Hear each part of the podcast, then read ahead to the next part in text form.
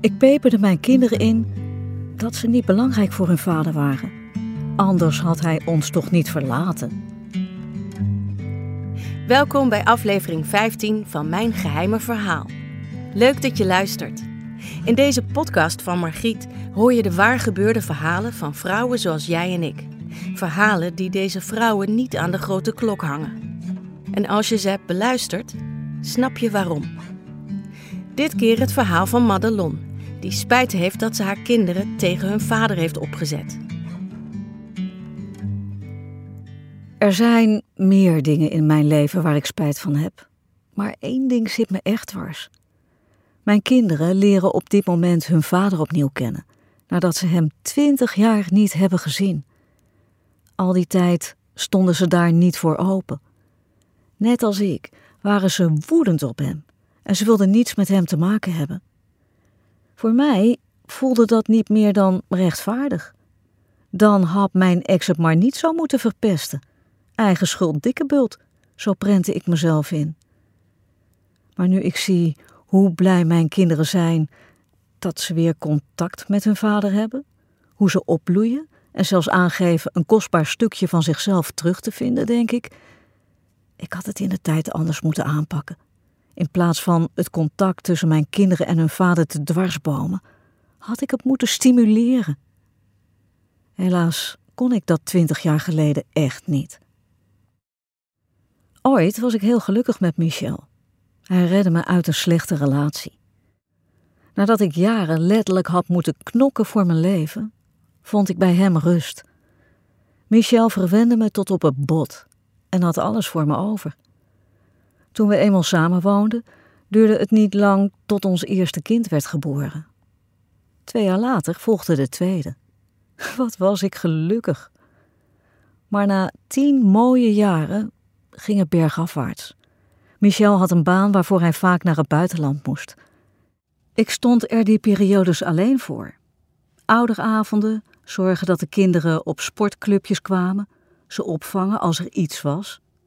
Alles deed ik in mijn eentje. Als Michel thuis kwam, maakten we vaak ruzie. Ik vond dat hij veranderde. Hij was zo afstandelijk. Toch vertrouwde ik hem nog steeds volledig. Michel was de oprechtste persoon die er maar bestond, dacht ik. Maar uiteindelijk ontdekte ik dat hij al een paar jaar een verhouding had met een collega. Als hij in het buitenland was, dan was zij met hem mee. Ik denk dat dit voor iedere vrouw een klap zou zijn. Maar voor mij was het onverdraaglijk dat ik na mijn eerdere ervaringen met een man die me mishandelde, weer werd teleurgesteld door iemand die ik zo had vertrouwd. Toen bleek dat Michel met die andere vrouw verder wilde en niet met mij, niet met ons gezin, was de vernedering compleet. Ik veranderde in een furie en deed er alles aan om het Michel zo lastig mogelijk te maken. En eerlijk is eerlijk, de pijn van toen zit er nog steeds. Ik sluit niet uit dat ik alles wat ik toen deed opnieuw zou doen. Alleen, ik zou onze kinderen er niet meer bij betrekken. Zij waren op dat moment 12 en 13. Ze hielden van hun vader, al was hij er dan al een tijd niet zoveel voor ze. Ik weet dat Michel zijn vaderrol heel graag wilde behouden. Hij deed daar echt zijn best voor, wrong zich in alle bochten. Maar ik was zo gekwetst dat ik hem zijn vaderrol niet kon gunnen. Dus ik vertelde mijn kinderen na elke ruzie huilend wat een vreselijke vader ze hadden, wat hij mij, ons, had aangedaan.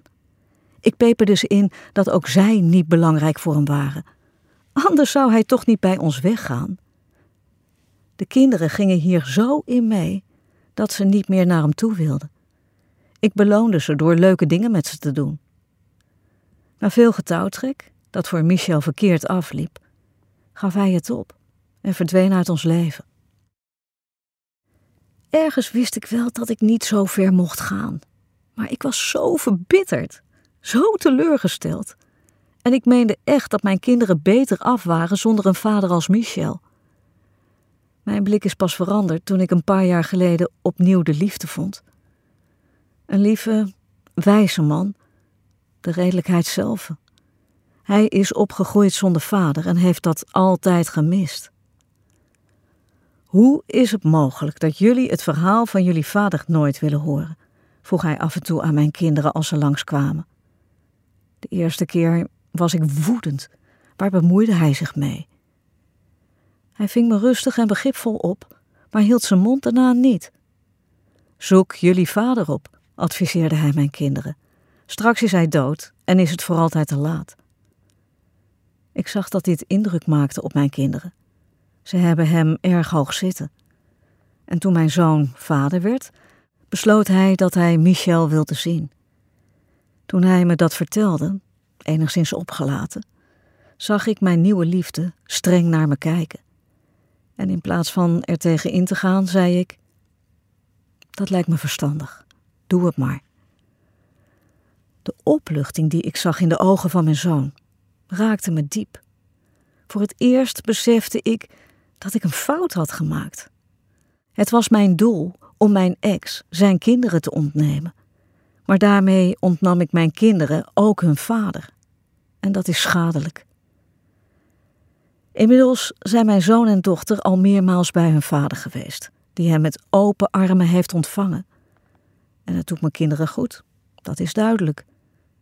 Ik vind dat moeilijk, maar dat laat ik mijn kinderen zo min mogelijk merken.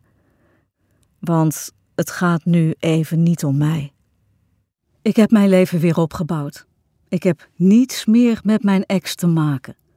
Maar of ik het nu leuk vind of niet, Michel is en blijft hun vader. Ze hebben het lang genoeg zonder hem moeten stellen. Overigens zeggen mijn kinderen dat ze me niets kwalijk nemen, dat de breuk met hun vader hun eigen keuze was. Dat is lief, maar ik weet wel beter. Gelukkig voor hen is er nu weer contact. Beter laat dan nooit. Zelf hoef ik Michel niet meer te zien, maar mijn kinderen zal ik niets meer in de weg leggen.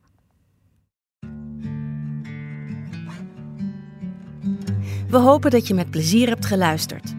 Meer geheime verhalen horen? Abonneer je op deze podcast. In de volgende aflevering hoor je hoe Carla verliefd werd op haar neef als puber en nu een relatie met hem heeft.